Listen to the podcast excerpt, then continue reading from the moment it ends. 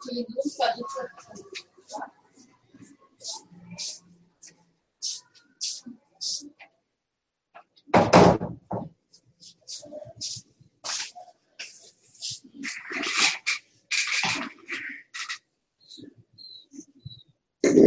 ज्ञानानन्दमयम् देवम् निर्मलस्फटिकाकृतिम्।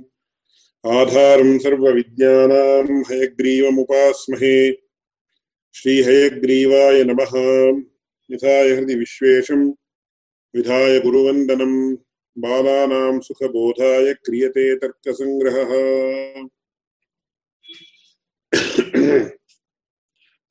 अयथार्थानुभवस्त्रिविधः इत्यारभ्य ग्रन्थः पाठनीयः आसीत् तत्र पूर्वं कानिचन वचांसि तर्कसङ्ग्रहग्रन्थस्य स्ट्रक्चर् इति यदुच्यते तद्विषये।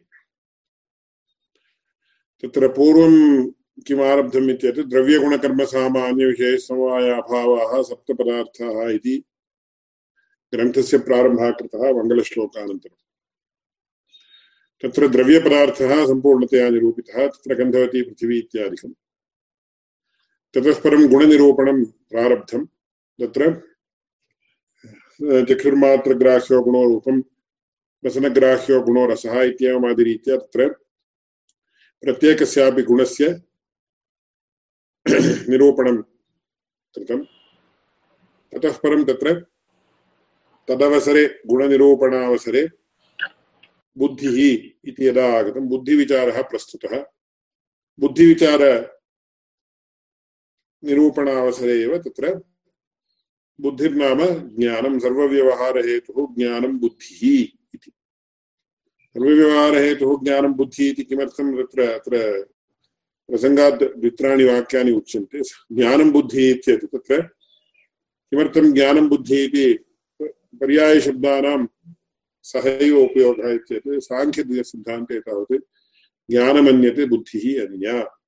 अस्माकं न्यायशास्त्रे तावत् बुद्धिरुपलब्धिर्ज्ञानमित्यनर्थान्तरम्। इति तत्र न्यायसूत्रं वर्तते। बुद्धिः उपलब्धिः ज्ञानम् इति सर्वम् एकमेव इति। अतः स बुद्धि, इति सर्वव्यवहारहेतुः ज्ञानं बुद्धिः इत्युक्त्वा साद्विविधा स्मृतिरनुभवश्चेति तत्र संस्कारमात्रजन्यं ज्ञानं स्मृतिः, तद्भिन्नं ज्ञानमनुभवः। सद्विधा यथार्थ अयथार्थश्चेति इत्युक्त्वा पुनः तत्र यथार्थानुभवः चतुर्विधः इति यथार्थानुभवः चतुर्विधः अपि निरूपितः प्रत्यक्षानमित्युपमिति शाब्दभेदात्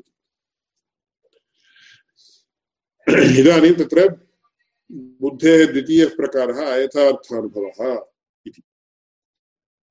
अतः एवं यथार्थानुभवो निरूपितः इति वाक्यम् अस्माकम्, अस्मद्गुरुभिः पाठितं तत्र। अत्र अस्मिन् एडिशन् मध्ये अत्र एवं यथार्थानुभवो निरूपितः इति नास्ति, परन्तु योजनीयम् इति ह्यः उक्तम् इदानीम् अयथार्थानुभवः निरूप्यते इति वाक्यार्थज्ञानं, शाब्दज्ञानं, तत्करणं शब्दः, एवं यथार्थानुभवो निरूपितः इति एकं वाक्यं तत्र आवश्यकम्। नो चेत् तत्र यथार्थानुभवनिरूपणम् अवसितम् इति न ज्ञायते। कुतः बहुग्रन्थस्य मध्ये विद्यमानत्वात् तत्र न स्मर्यते। अतः एवं यथार्थानुभवो निरूपितः इत्युक्त्वा अयथार्थानुभवस्त्रिविधः संशयविपर्ये तर्कभेदात्। अयथार्थानुभवः त्रिविधः संशयः विपर्ययः तर्कः इति। तत्र एतेषां तत्र निरूपणानि तत्रैव ग्रन्थे क्रियन्ते। तत्पूर्वम् अयथार्थानुभवः इति शब्दस्य अर्थः पूर्वं यथार्थानुभवस्य लक्षणम् अयथार्थानुभवस्य लक्षणं द्वयमपि विस्तरेण अभिहितं मया विवृतञ्च तद्, तत्र तद्वति तत्प्रकारकानुभवः यथार्थः तत्प्रकारकः अनुभवः अयथार्थः इति तत्र यथार्थानुभवस्य, अयथार्थानुभवस्य च लक्षणम् उक्तम्। तद्वति तत्प्रकारकानुभवः तद्वति नाम तद्विशिष्टे तत्प्रकारकः अनुभवः। प्रकारः इति अस्य विषये विस्तरेण प्रायः एककक्ष्या सम्पूर्णप्रकारप्रकार प्रकारप्रकारिभावमेव मया विनि, विनियोजिता। अतः तत्र सविचारः स्मर्यते इति चिन्तयामि, पुनः वक्तव्यं चेत् वदामि, नो चेत् अग्रे गच्छामः। वयं पश्यामः? पुनः तामेव कक्ष्याम् अतः भवान् इदानीम् अग्रे सरतु। समीचीनं तर्हि। एवञ्च बहु द्वित्रिवचोभिः वदामि। इदानीम् अत्र लेखनी वर्तते मत्पुरतः। अत्र लेखनीत्वं प्रकारः इति उच्यते। प्रकारविशेष्यभावः इति उच्यते विशेषणविशेष्यभावः इति अपि उच्यते। उभयोः लेशतः व्यत्यासः अस्ति सः व्यत्यासः तस्यां कक्षायां विवृतः। अतः तां कक्ष्यां पठन्तु पश्यन्तु, शृण्वन्तु। इदानीम् अत्र किमत् तत्र लेखनीत्वम् अस्ति इति यदि गृह्यते चेत्, तदानीम् इयं लेखनी इति सर्वस्यापि न्यायशास्त्रे प्रधानतया उच्यमानः विषयः। सर्वोऽपि सर्वमपि वस्तु तद्गत असाधारणधर्मद्वारा एव गृह्यते। अतः तत्र लेखनी इति साक्षात् न गृह्यते, अपि तु लेखनीत्वम् इति धर्मद्वारा एव गृह्यते घटः घटत्वद्वारा। घटत्वम् इत्येव नाम इति न, तद्गत असाधारणधर्मः इति।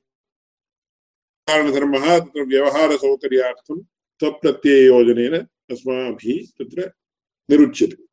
तस्य भावः तथलौ भावो नाम असाधारणधर्मः इति। अतः अत्र लेखनीत्वं वर्तते। लेखनीत्वं लेखन्यां गृह्यते चेत् तदानीं तद्वति तत्प्रकारकः अनुभवः इति संक्षेपेण। यदि लेखनीत्व अभाववति, इदानीम् अत्र एकं पत्रं वर्तते। अत्र लेखनीत्वं नास्ति। लेखनीत्ववति, लेखनीत्व अभावति अत्र लेख इदम् इयं लेखनी इति यदि अहं चिन्तयामि तदानीं सः अयथार्थानुभवः भ्रमः। कुतः अत्र लेखनीत्वं नास्ति? परन्तु लेखनीत्वम् अस्ति इति मया गृहीतम् इति तदभाववती। तच्छब्देन लेखनीत्वग्रहणे नाम लेखनीत्व अभाववती अस्मिन् पत्रे। लेखनीत्वप्रकारकज्ञानम् आजातं चेत् तत् अयथार्थानुभवः इति उच्यते। इति संक्षेपेण विस्तरेण तत्र वर्तते, कृपया पश्यन्तु तत् कक्ष्यायाः सङ्ख्या कीदृशी, कथमा कक्ष्या इति तत्र द्रष्टव्यम् अथवा परस्परं भवन्तः तत्र तस्य सङ्ख्याविषयकस्य ज्ञानस्य विनिमयं कुर्वन्तु। एवञ्च प्रकृते तदा अयथार्थानुभवस्त्रिविधा इति। अयथार्थानुभवः नाम तदभाववति तत्प्रकारक अनुभवः इति। त्रिविधः, संशयः, विपर्ययः, तर्कः संशयः नाम सन्देहः, संशीतिः इत्यादिशब्दैः उच्यमानः। तत्र संशयो नाम एकस्मिन् धर्मिणि विरुद्ध नानाधर्मवैशिष्ट्यावगाहि ज्ञानं संशयः। एकस्मिन् धर्मिणि अत्र किमस्ति पश्यन्तु।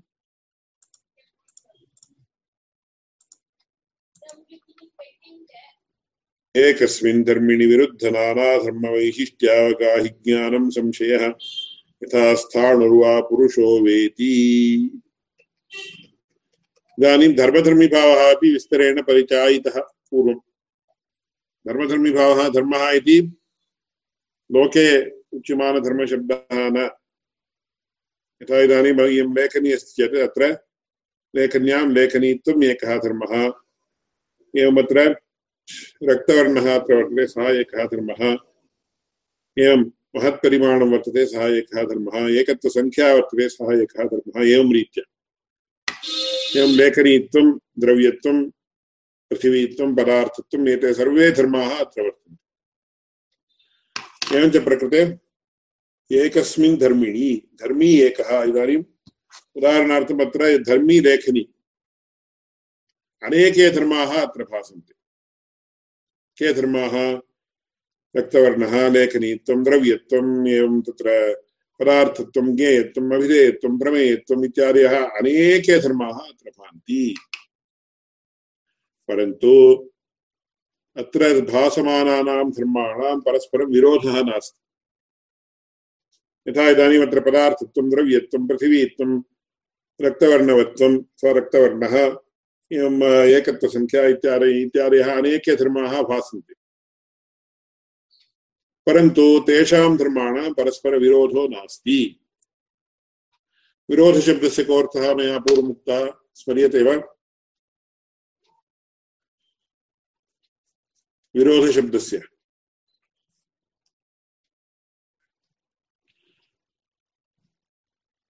कोऽपि स्मरति वा विरोधशब्दस्य? निष्कृष्टार्थः कः इति?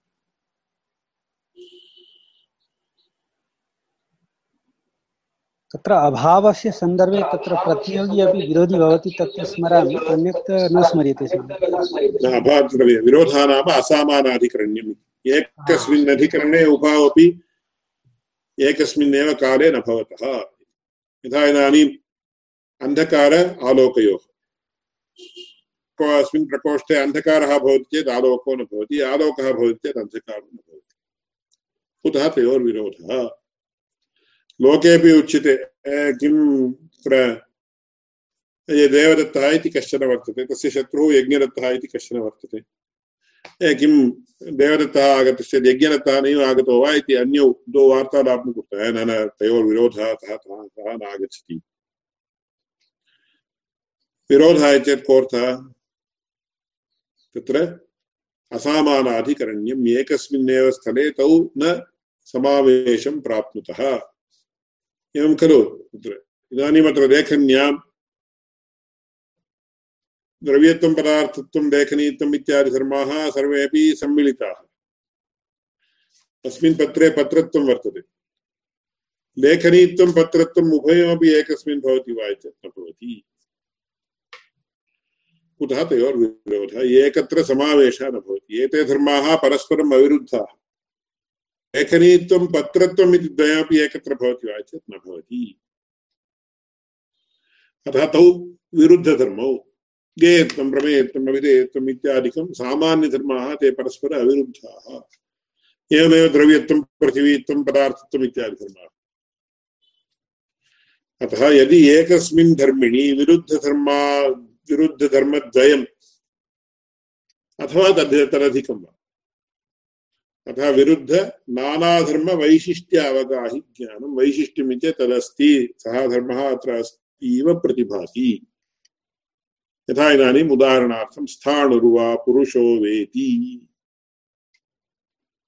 तत्र प्राचीनकालेषु एवं लिख्यते आरोहपरिणाहविशिष्टे वस्तुनि। इति आरोहः चेत् हैट्।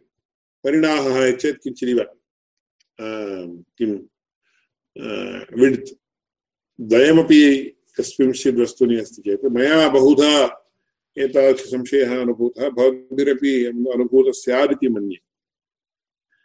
यदा वयम् अतीव प्रातःकाले वा, अतीव रात्रौ वा चेत् रात्रौ द्वादशवादने वा, एकवादने वा, अथवा प्रातः चतुर्वादने पञ्चवादने यत्र वाहनसम्मर्दादिकं वा जनसम्मर्दादिकं वा, लेशतोपि न भवति।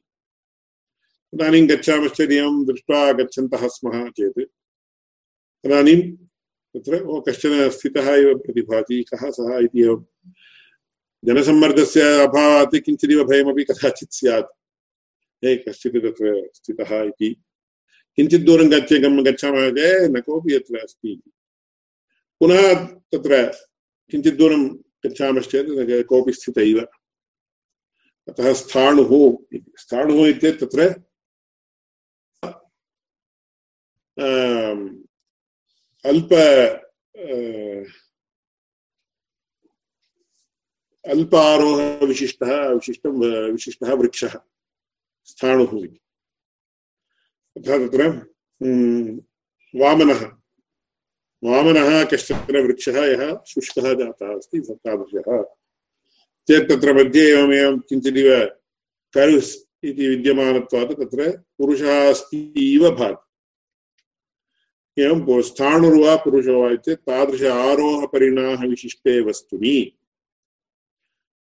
असाधारणधर्मः कीदृशः इति पदार्थत्वादिधर्माः सर्वत्र वर्तन्ते।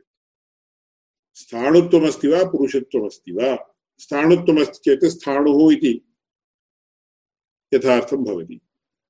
पुरुषत्वमस्ति चेत् पुरुषः इति यथार्थं भवति। उभयमपि न यदा अस्माभिः निर्णेतुं शक्यते। अत्र कदाचित् एकवारमेव संशयः भवति। कदाचित् पुनः एकवारं स्थाणुः इति, पुनः पुरुषः इति, पुनः स्थाणुः इति, पुनः पुरुषः इति। एवं रीत्या तत्र अत एव वेदान्तदेशिकवर्यैः तत्र उक्तोक्ताकलापे डोलाविक्षेपकल्पा इति अतीव समीचीनतया उच्यते। एवं डोला एवं गच्छति खलु? तद्वत् एकवारं स्थाणुत्वं भासते, ओ, स्थाणुः अयम् इति। क्षणान्तरे पुरुषः इति पुनः स्थाणुः इति पुनः पुरुषः इति। एवं रीत्या कदाचित् भवति। अतः स्थाणुत्वं पुरुषत्वम् इमौ विरुद्धधर्मौ। स्थाणुत्वमस्ति चेत् पुरुषत्वं न भवितुमर्हति। पुरुषत्वमस्ति चेत् स्थाणुत्वं न भवितुमर्हति। इति इमौ परस्परविरुद्धधर्मौ। परन्तु परस्परौ परस्परविरुद्धौ द्वौ धर्मौ तत्र अस्तीव भाति। तस्मात् अयम् अयथार्थ अनुभवः द्वयमपि न स्थातुं शक्यते केनचित् एकेन स्थातुं शक्यते। परन्तु क्षणक्षणे क्षणक्षणे उभयमपि अस्ति इव भाति। यतः एकस्मिन् धर्मिणि, धर्मी एक एव। कः सः धर्मी चेत् आरोहपरिणाः विशिष्टं वस्तु। इदानीम् अस्माभिरपि न ज्ञायते। स्थाणुर्वा पुरुषो वा अतः आरोहपरिणाः विशिष्टे वस्तुनि। स्थाणुर्वा भवेत्, पुरुषो वा भवेत्। इति आरोहपरिणाः विशिष्टे वस्तुनि। तत्र विरुद्धनानाधर्म विरुद्ध अनेकधर्माः स्थाणुत्वं पुरुषत्वम् इति द्वौ धर्मौ इदानीम् अस्तीव, स्तः इव भासति, भासते। द्वौ धर्मौ स्तः इव भासते, तदानीं संशयः। इति तदवस्थायां यदा तत्र निर्णयः न जातः तावत्पर्यन्तं संशयः अनन्तरं तत्र समीपं गच्छति, तत्र स्पृशति, तत्र कोऽपि नास्ति चेत् तत्र तदानीं स्थाणुः इति निश्चयं करोति। नो चेत् तत्र समीपं गत्वा पश्यति चेत् तत्र कश्चन पुरुषाय एको भवान् कः इति एवं प्रश्नादिकं कर्तुं शक्यते अथवा क्रियते चेत् तदानीं पुरुषः इति। एवं तत्र निर्णयात् पूर्वं विद्यमानं ज्ञानं संशयः इति सः अयथार्थः कुतः तद्वति न। तदभाववत्यपि तत्प्रकारकः अपि अनुभवः भवति, न केवलं तत् तत्प्रकारकः। अतः तदभाववति, तत्प्रकारकः अपि भवति, तदभावप्रकारकोऽपि भवति। परस्परविरुद्धत्वात् तत्र यथार्थत्वं नास्ति इति संशयः। एकस्मिन् धर्मिणि विरुद्ध नाना धर्म वैशिष्ट्य अवगाहि ज्ञानं संशयः। इदम् इदं ज्ञानं किं करोति? अवगाहते चेत् विषयीकरोति। एकस्मिन् धर्मिणि विरुद्ध नानाधर्मद्वयं नानाधर्म चेत् धर्मद्वयम् इति न मिनिमम् धर्मद्वयम् इति अतः द्विकोटिकः संशयः, त्रिकोटिकः संशयः, चतुष्कोटिकः संशयः एवम् इत्यादि भवति। मयापि अनुभूतं तथा। यथा इदानीं रज्जुर्वा सर्पो वा अम्बुधारा वा भूविदणनं वा इत्येवं चतुष्कोटिकसंशयः मयैव अनुभूतः। यदा वयम् अतीव घर्मे वाहनचालनं कुर्वन्तः, कार् इत्यादि वाहनचालनं कुर्वन्तः गच्छामः, तदानीं तत्र घर्मे मध्ये जलम् अस्ति इति वा इतीव भाति, वीथ्याः उपरि। कदाचित् तत्र स एव सर्प इव अपि अपि भाति। कदाचित् तत्र अम्बुधारा इति मध्ये भुवः तत्र विदलनमिति चेत् क्राक् इन् दि अर्त् तद्वदपि भाति। तदानीं भूविदलनं वा, अम्बुधारा वा रज्जुर्वा सर्पो वा। इति भवति चेत् तदानीं चतुष्कोटिकः संशयः। एवं द्विकोटिकः अपि भवति। त्रिकोटिकः, द्विकोटिकः स्थाणुर्वा पुरुषो वा इति पासिबिलिटि द्वयम्। इदानीं द्विकोटिकः संशयः। तत्र सर्पो वा रज्जुर्वा अम्बुधारा वा इति भवति इत्येतत् त्रिकोटिकः संशयः कुतः सर्पत्वम् अम्बुधारात्वं रज्जुमेषु कः धर्मः अत्र अस्ति इति संशयो जायते। सर्वं धर्मद्वारा एव। साक्षात् धर्मिणी न। अत एव अस्माकम् आचार्यैः दर्शनपाठसन्दर्भे वैदिकैः सर्वैरपि धर्म, धर्मे एव व्यत्यासः। धर्मे एव तत्र भ्रम, भ्रमांशः, भ्रमः धर्मांशे एव। न तु धर्म्यंशे। बौद्धाः एक एव, धर्म्यंशे एव भ्रमः इति अस्माभिरपि यद्यपि यतीन्द्रमदीपिकायां किञ्चित् उच्यते, अन्यथा ज्ञानं नाम धर्मे, धर्मविपर्यासः, विपरीतज्ञानं नाम धर्मीविपर्यासः इति। वास्तवते। कुतः धर्मांशे भ्रमादेव धर्म्यंशे भ्रमः। साक्षात् धर्म्यंशे भ्रमः न सम्भवति। इति। अस्तु, इदं स्मर्यताम् यदा बौद्धमतम् आगच्छति, तदानीं विमर्शः आवश्यकश्चेत् तदानीं कुर्मः। एवञ्च प्रकृते एकस्मिन् धर्मिणि, धर्मी एक एव, धर्माः अनेके परस्परविरुद्धाः यदा भान्ति भातः चेत् तदानीं तत्र द्विकोटिकः संशयः धर्मद्वयापेक्षया अधिकाः धर्माः भान्ति चेत् अनेककोटिकसंशयः त्रिकोटिकः, चतुर्कोटिकः, पञ्चकोटिकः, षट्कोटिकः। षट्कोटिकाधिकं तत्र न कस्यापि सहजतया अनुभवसिद्धं, चतुष्कोटिकसंशयपर्यन्तं तत्र अनुभवसिद्धम्। अतः तत्र एकस्मिन् धर्मिणि विरुद्धनानाधर्मवैशिष्ट्य वैशिष्ट्यं नाम सम्बन्धः तावदेव। तत्र स्थाणुः स्थाणुत्वमस्ति, स्थाणुत्ववान् इत्येवं ज्ञानम् इति ज्ञानम् इति नानाधर्मवैशिष्ट्य अवगा वैशिष्ट्यं। पुरुषत्ववान्, स्थाणुत्ववान् स्वरज्जुत्वान् सर्पत्वान् अम्बुधारात्वान् भूवितलनत्वान् इति। इत्येवं रीत्या तत्र विरुद्धनानाधर्मवैशिष्ट्य अवगाहि ज्ञानं। विरुद्धनानाधर्माणां वैशिष्ट्यं यदा बुद्ध्या तदानीं विरुद्धनानाधर्मवैशिष्ट्य अवगाहि ज्ञानम् इति उच्यते स एव संशयः। यथा पुरुषो वेति।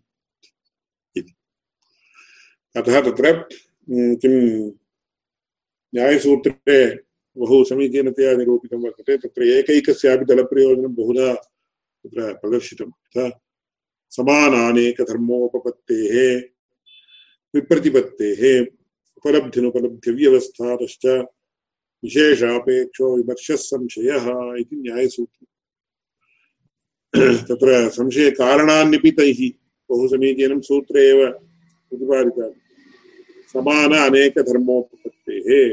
समाना नाम एकधर्मीवृत्तितया अनेकाः धर्म, अनेके धर्माः यदा तत्र बुद्धिपथम् आयान्ति, बुद्धौ उपस्थिता भवन्ति। अथवा विप्रतिपत्तेः विरुद्धार्थप्रतिपादकद्वयम् अथवा विरुद्ध विरुद्धधर्मद्वयम् उपलब्ध्यनुपलब्ध्यव्यवस्थातश्च उपलब्ध्यनुपलब्ध्यव्यवस्था चेत् तत्र चाक्षुषप्रत्यक्षं भवेत् चेत् कस्यचित् वस्तुनः तदानीम् आलोकः आवश्यकः। आलोको नाम तत्र लैट्। यदि आलोकः नास्ति न सम्यक् ज्ञायते। आलोकस्य अल्पत्वे। तदानीं कदाचित् उपलब्धिः विशेषधर्मस्य कदाचित् अनुपलब्धिः तस्मात् उपलब्ध्यनुपलब्ध्यव्यवस्थातश्च तदानीं किं भवति? विशेषापेक्षो विमर्शः। संशयः भवति चेत् किं झटिति निर्णयः आवश्यकः इति अस्माकं मनसि त्वरा जायते विशेषतः अस्मत्कुटुम्बसम्बद्धादिविषये संशयः भवति चेत् झटिति अस्माभिः तस्य उत्तरं प्राप्तव्यम् इति भवति। अतः विशेषापेक्षः विमर्शः संशयः। विमर्शः इत्यादिना अपि वक्तुं शक्यते बहु सम्प्रति मास्तु तत्र। परन्तु तथा न्यायसूत्रम् एवं वर्तते। समानानेकधर्मोपपत्तेः, विप्रतिपत्तेः उपलब्ध्यनुपलब्धिव्यवस्थातश्च विशेषापेक्षो विमर्शः संशयः इति।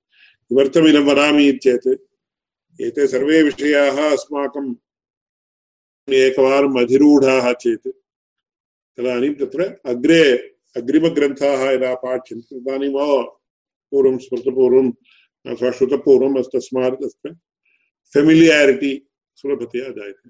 अतः इदं पुनः पुनः कदाचित् द्वित्रिवारम् उक्तस्यैव पुनः पुनः कथनं किमर्थम् चेत् पुनरुक्तिः दोषः इति कदाचित् चेत् पाठे तावत् पुनरुक्तिः गुण एव तथा तत्र श्रोतॄणां मनसि विषयः गाढतया निविष्टो भवेत् इति कृत्वा तत्र पुनः पुनः तत्र तस्य कथनं, शब्दानां पुनः पुनः आवर्तनम् इदानीम् एकस्मिन् धर्मिणि विरुद्धनानाधर्मवैशिष्ट्यावगाहि ज्ञानम् इति प्रायः पञ्चवारं वा षड्वारं वा मया उक्तं पुनः पुनः। किमर्थम् चेत् श्रोतॄणां मनसि प्रतिष्ठितं भवतु इति दृष्ट्या उक्तम् नो चेत् तत्र यदा भाषणादिकं क्रियते अथवा प्रभासु विषयप्रतिपादनं यदा क्रियते, तदानीं पुनः पुनः न उच्यते। अस्याः कक्ष्यात्वात् तत्र पुनः पुनः स एव शब्दः। तत्र आम्रेड्यते।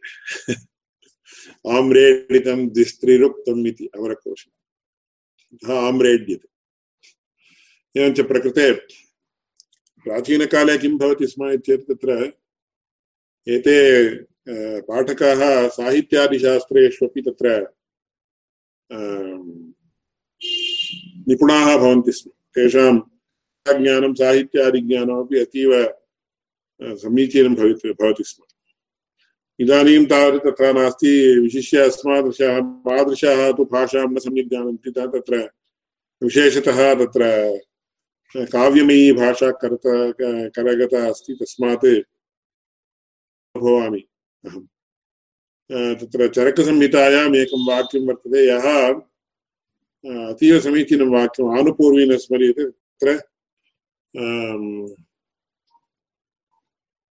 एकमेव शास्त्रं येन अधीतं, तास तं शास्त्रज्ञः इति न तस्य विषये शास्त्रज्ञः इति परं नान्वेहि एकम्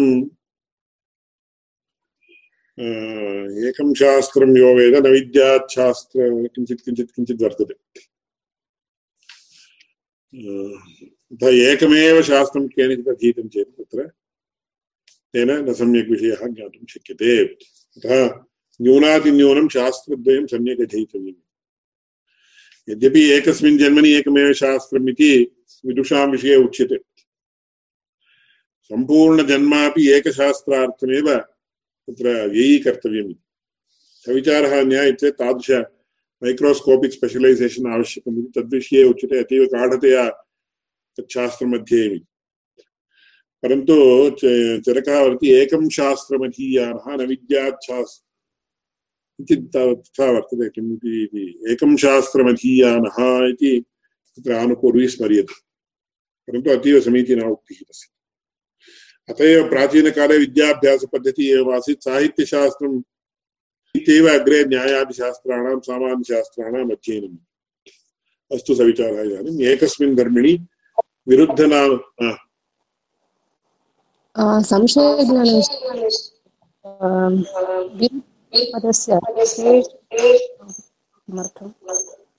न न सम्यक् मध्ये मध्ये मध्ये त्रुटिः जायते तत्र वाय्स् मध्ये।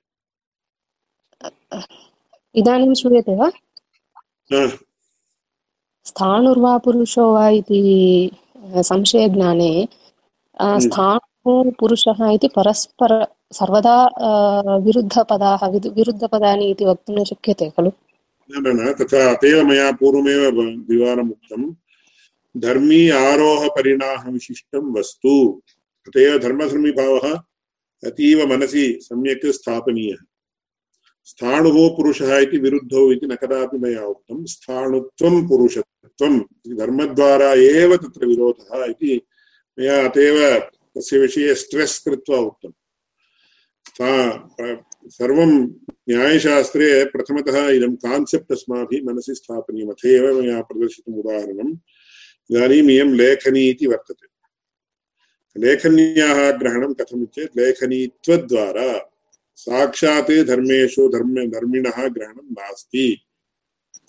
साक्षात् धर्मिणः ग्रहणं कुत्रापि केनापि नाङ्गीक्रियते अतः अत्र लेखनीत्वं गृह्यते चेत् इयं लेखनी इति ज्ञानं भवति। तत्र पत्रत्वं गृह्यते चेत् इयम् इदं पत्रम् इति ज्ञानं भवति। तद्वत् धर्मी कः चेत् आरोहपरिणामविशिष्टवस्तु that which consists of height and width तत्र स्थाणुत्वमस्ति वा पुरुषत्वमस्ति वा इति चर्चा। स्थाणुत्वं पुरुषत्वम् अत एव मया उदाहरणमपि द्वयं प्रदर्शितम्। इदानीम् अत्र लेखनीत्वं वर्तते, अत्र पत्रत्वं वर्तते। तत्र अत्र किं भवति? इदानीं पत्रत्वम् अत्र वर्तते लेखनीत्वम् अत्र वर्तते। अस्यां लेखन्यां पत्रत्वं भवितुमर्हति वा? न भवितुमर्हति। अस्य अस्मिन् पत्रे लेखनीत्वं भवितुमर्हति वा? न भवितुमर्हति। अतः अस्मिन् इदानीम् इदानीम् अत्र अस्मिन् अस्यां लेखन्यां पत्रत्वं लेखनीत्वं द्वयमपि भवितुमर्हति वा? न भवितुमर्हति लेखनीत्वम् अस्ति चेत् पत्रत्वं न भवितुमर्हति पत्रत्वमस्ति चेत् लेखनीत्वं न भवितुमर्हति तस्मात् कयोः विरोधः कयोः असामानाधिकरण्यम् इति चेत् स्थाणुत्वस्य पुरुषत्वस्य। न तु स्थाणुपुरुषयोः, स्थाणुः कश्चन वर्तते तस्य पार्श्वे मालिङ्गे पुरुषः स्थातुं प्रभवति। एकस्मिन् अधिकरणे स्थाणुः पुरुषः भूतले स्थाणुः पुरुषः उभौ अपि भवतः खलु उच्यते। अत एव मया स्पष्टतः उक्तं, स्थाणुत्वं पुरुषत्वम् उभयमपि एकत्र स्थातुं प्रभवतः। इति एकस्मिन् धर्मिणि, धर्मी एक एव, परन्तु विरुद्धनाना धर्मवैशिष्ट्यावकाहि ज्ञानम्। अतः तत्र परस्परविरुद्धौ धर्मौ यदि भासतः। तदानीं संशयः। तस्य संशयस्य आकारः का इत्युक्ते स्थाणुर्वा पुरुषो वेति। इति तस्य स्थाणुर्वा पुरुषो वेति इत्येतत् तस्य न्यायशास्त्रसम्मतः अर्थः कः? तादृशवस्तुनि आरोहपरिणाह विशिष्टे वस्तुनि स्थाणुत्वमस्ति वा अथवा पुरुषत्वमस्ति वा इति। अतः धर्मम् आदायैव सर्वत्रापि व्यवहारः, सर्वत्रापि उपलब्धिः सर्वमपि। व्यवहारो नाम ज्ञानजनकशब्दप्रयोगः। शब्दप्रयोगः अपि धर्मम् आदाय एव। अस्माकं बुद्धिरपि धर्ममादायैव विषयीकरोति इति न्यायशास्त्रीयाणाम् आशयः। अतः स्थाणुपुरुषयोः विरोधः इति मया न कुत्रापि कदापि उक्तं, कदापि न उच्यते च। स्थाणुः पुरुषः इति उभो अपि भूतले भवितुमर्हतः खलु एकस्मिन् अतः तत्र स्थाणुत्व पुरुषत्वयोः विरोधः। यथा इदानीं रक्तत्व, रक्तवर्णः वर्तते, रक्तत्वं वर्तते इति वदामः। तस्यां लेखन्यां नीलत्वं वर्तते। इदानीम् एकस्मिन्नेव एकस्यामेव लेखन्यां नीलत्वं, रक्तत्वम् उभयोपि भवति वा चेत् उभयमपि न भवति। यदि मिक्स्चर् भवति तदानीं चित्रवर्णः परन्तु श्वेतत्वं, नीलत्वम् उभयमपि इदं श्वेतम् इति भावितं श्वेतत्वं, नीलत्वम् उभयमपि भवति वा चेत् तौ विरुद्धधर्मौ, विरुद्धगुणौ तस्मात् न भवतु श्वेतः नीलः नीलः घटः, नीलः श्वेतः घटः इति वक्तुं शक्यते वा? न वक्तुं शक्यते। कुतः श्वेतवर्णः अस्ति नीलवर्णः नीलवर्णः अस्ति श्वेतवर्णः यदि उभयोः मिक्स्चर् भवति तत्र तर्हि चित्रवर्णः इति सः अतः धर्मम् आदायैव संशयः। सर्वत्रापि अत एव प्रारम्भे काठिन्यम् अनुभूयते, परन्तु सर्वत्रापि अत्र धर्मधर्मिभावः अस्माकं मनसि सम्यक् प्रतिष्ठितो भवेत्।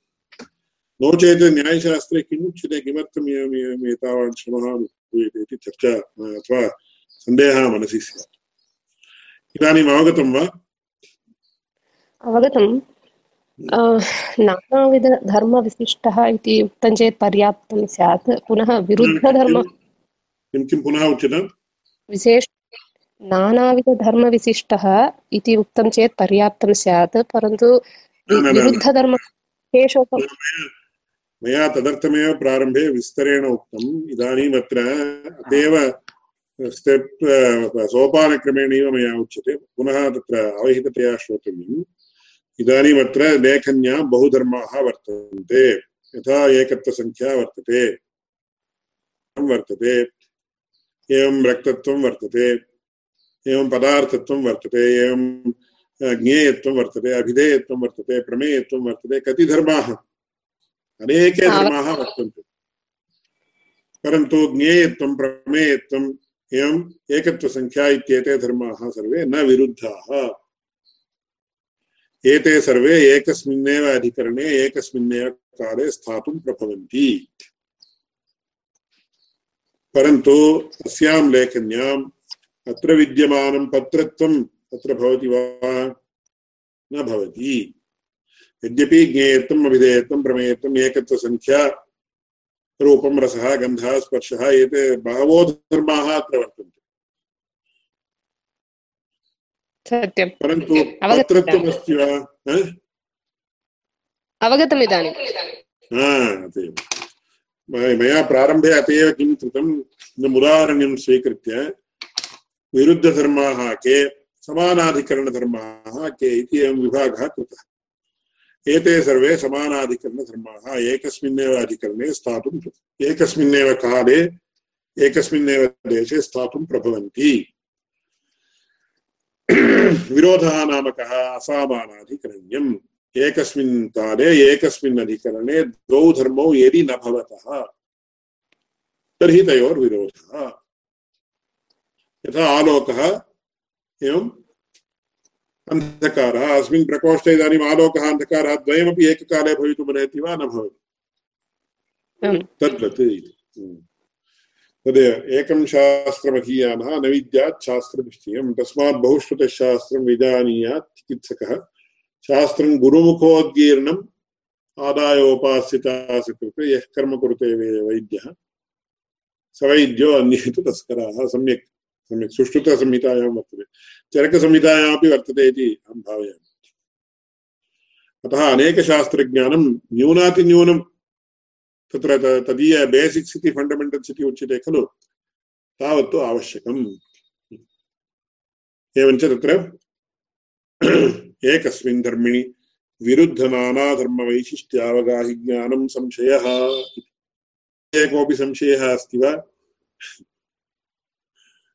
पुनः अस्ति चेत् पृच्छन्तु कापि हानिः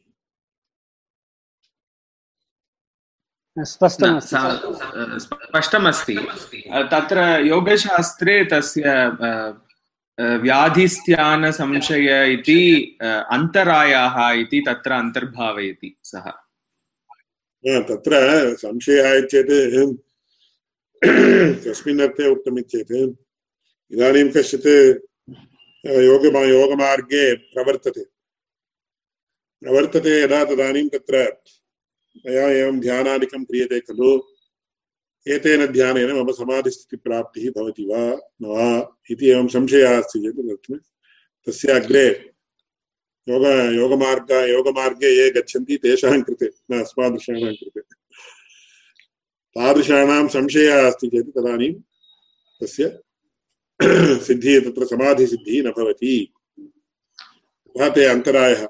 इति तत्र व्याधिस्त्यानानस्य अविरतिभ्रान्तिदर्शन इत्यादिकं किञ्चिकानि इत्यादि अन्तरायाः इति विघ्नोऽन्तरायः इति विघ्नाः, योगविघ्नाः सत्यम्। अतः एव तत्र विवरणसमये कोटिद्वय अवगाहि ज्ञानम् इत्येव उक्तम्। अत्र नानाधर्म इति अस्ति तत्र केवलं कोटिद्वय इत्येव बहुषु पुस्तकेषु उच्यते तस्य निर्वचनं यतोहि भवता यथा उक्तं तथैव। फलं भविष्यति। भवेत् वा न वा इत्यादि। एवं तद् तदपि एकम् अन्यदेकं किमुच्यते मिनिमम् द्वयम् इति। न्यूनातिन्यूनं हम्म। कोटिद्वयं स्यात्। तदुपरि अस्ति चेत् आनन्दनास्ति परन्तु कोटिद्वयं नियमेन स्यात् चेदेव सः संशयः इति वक्तुं शक्यते। अतः मिथ्याज्ञानं विपर्ययः द्वितीयं द्वितीयः यथार्थानुभवप्रकारः मिथ्याज्ञानं विपर्ययः यथा शुक्तौ इनं रजतमिति। इति विचारः अस्ति, स विचारः श्वः प्रस्तूयते अन्ये केऽपि विषयाः सन्ति चेत् वक्तुं शक्यन्ते। पुनः श्वः कक्ष्या भविष्यति तत्र जैनसिद्धान्ते स्याद्वादः इति अस्ति। तत्र सप्त अ, स्यादस्ति स्या स्यान्नास्ति अस्ति नास्ति सप्तभङ्गी। तत्र तु तत्र संशयः इति नास्ति खलु। तस्य तेषां वादः कथम् इति अहम् एतावत्पर्यन्तम् अवगच्छन् अस्मि इति चेत् एकस्यैव पदार्थस्य नानाविध दृष्टिकोणः कोण कोणेन तत् पश्यामश्चेत् एवमस्ति। तथैव खलु। तत्र सप्तभङ्गिनयः श्वः मया विव्रियते। अतीव समीचीन, अतीव सुलभतया अस्माभिः ज्ञातुं शक्यते। सः श्वः विव्रियते। तत्र विंशति, अर्धघण्टा अपेक्षते तदर्थं, परन्तु अवश्यं श्वः एव विव्रियते। कुतः चेत् एकरीत्या तस्य विवरणं कृतमस्ति। तत् कुत्रचित् रक्षितं भवेत् दृष्ट्या मया श्वः तस्य विषये विस्तरेण उच्यते श्वः स्मार्यतां कृपया। अन्यः कोऽपि प्रश्नः अस्ति वा?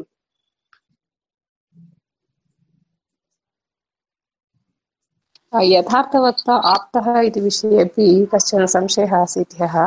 प्रायः श्वः स्वीक्रियते चेत् उत्तमं भवेत् इति। इदानीं यथार्थवक्ता इति उदाहरणार्थम् इदानीम् आनन्दः अहं च वार्तालापं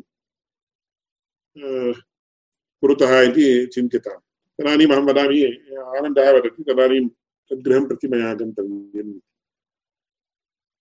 तदानीं मया किं मया किं तत्र ज्ञातं ये तस्मिन् गृहे तस्मिन् गृहे तद्गृहं प्रति न गम्यताम्। कुतः चेत् तत्र सर्पः अस्ति इति अहं वदामि। अहमेव भ्रान्तः चेत्। तत्र वास्तवतया कश्चन रज्जुः एव वर्तते, सर्पः नास्ति। तदानीम् अहमेव भ्रान्तः। हे आनन्द, तत्र न गच्छ। तत्र तस्मिन् गृहे सर्पः अस्ति, ततः न गच्छ इदानीम्। इति। मया तस्मिन् गृहे ह्यः रज्जुः दृष्टः। परन्तु मया एव भ्रान्तिः अवाप्ता किमिति रज्जुं दृष्ट्वा अयं सर्पः अहम् आनन्दं प्रति वदामि। रज्जुः तत्र रज्जुः मया सर्पत्वेन गृहीतः इति मया न ज्ञातम्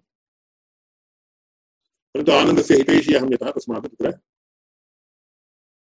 सः गच्छति चेत् तत्र क्लेशः चेत् तत्र किं कर्तुं शक्यते अतः आनन्दः न गच्छ कुतः तत्र सर्पः वर्तते तदानीम् अहम् आप्तो वा न वा अहं न यथार्थं न यथार्थम् अकथयम् इदानीं मया मम आप्तत्वमस्ति वा न वा इति पुरुषः शुभ शुभचिन्तकः इति सन्दर्भे उपयुज्यते इति मन्ये। तथा स्वीक्रियते अतः तथा अतः किं क्रियते अग्रे यथार्थवक्ता इत्यस्य परिष्कारः क्रियते। यथा दृष्टार्थवक्ता यथार्थं वदति चेत् यथा तत्र यत् उच्यते तस्य पृष्ठभाविज्ञानं यथार्थं वा न वा इति अस्माभिः न ज्ञायते अतः यथा दृष्टार्थवक्ता यथा दृष्टं वदति चेत् सः आप्तः। मध्ये तत्र कदाचित् मया पठितं तत्र पाश्चात्यदेशेषु तत्र एते सर्पाः अपि तत्र इति तत्र तद्रूपया तद्रूपेण स्थाप्यन्ते इण्टर्नेट् मध्ये कुत्रचित् पठितं तत्र चित्रादिकमपि दृष्टम्। तथा स्यात् चेत् तदानीं तस्य आनन्देन तथा एकः सर्पः तस्य निकटवर्तित्वेन स्थापितश्चेत्। तत्र न गच्छ इति उच्यते चेत् मया मम आप्तत्वं मध्ये मम इष्टः सः, मया मया एव निकटवर्तित्वेन सः तत्र मया पावितः अस्ति, किमर्थं भवान् एवं वदति चेत् अतः यथा दृष्टार्थवक्ता इति तत्र यथादृष्टम् अर्थं वदति। यथार्थं वदति चेत् यथार्थतया अनेनैव न गृहीतं चेत् यथार्थं कथं वक्तुं प्रभवेत्। अतः यथा दृष्टार्थवक्ता इत्येव परिष्कारः कर्तव्यः इति तत्र केशवान्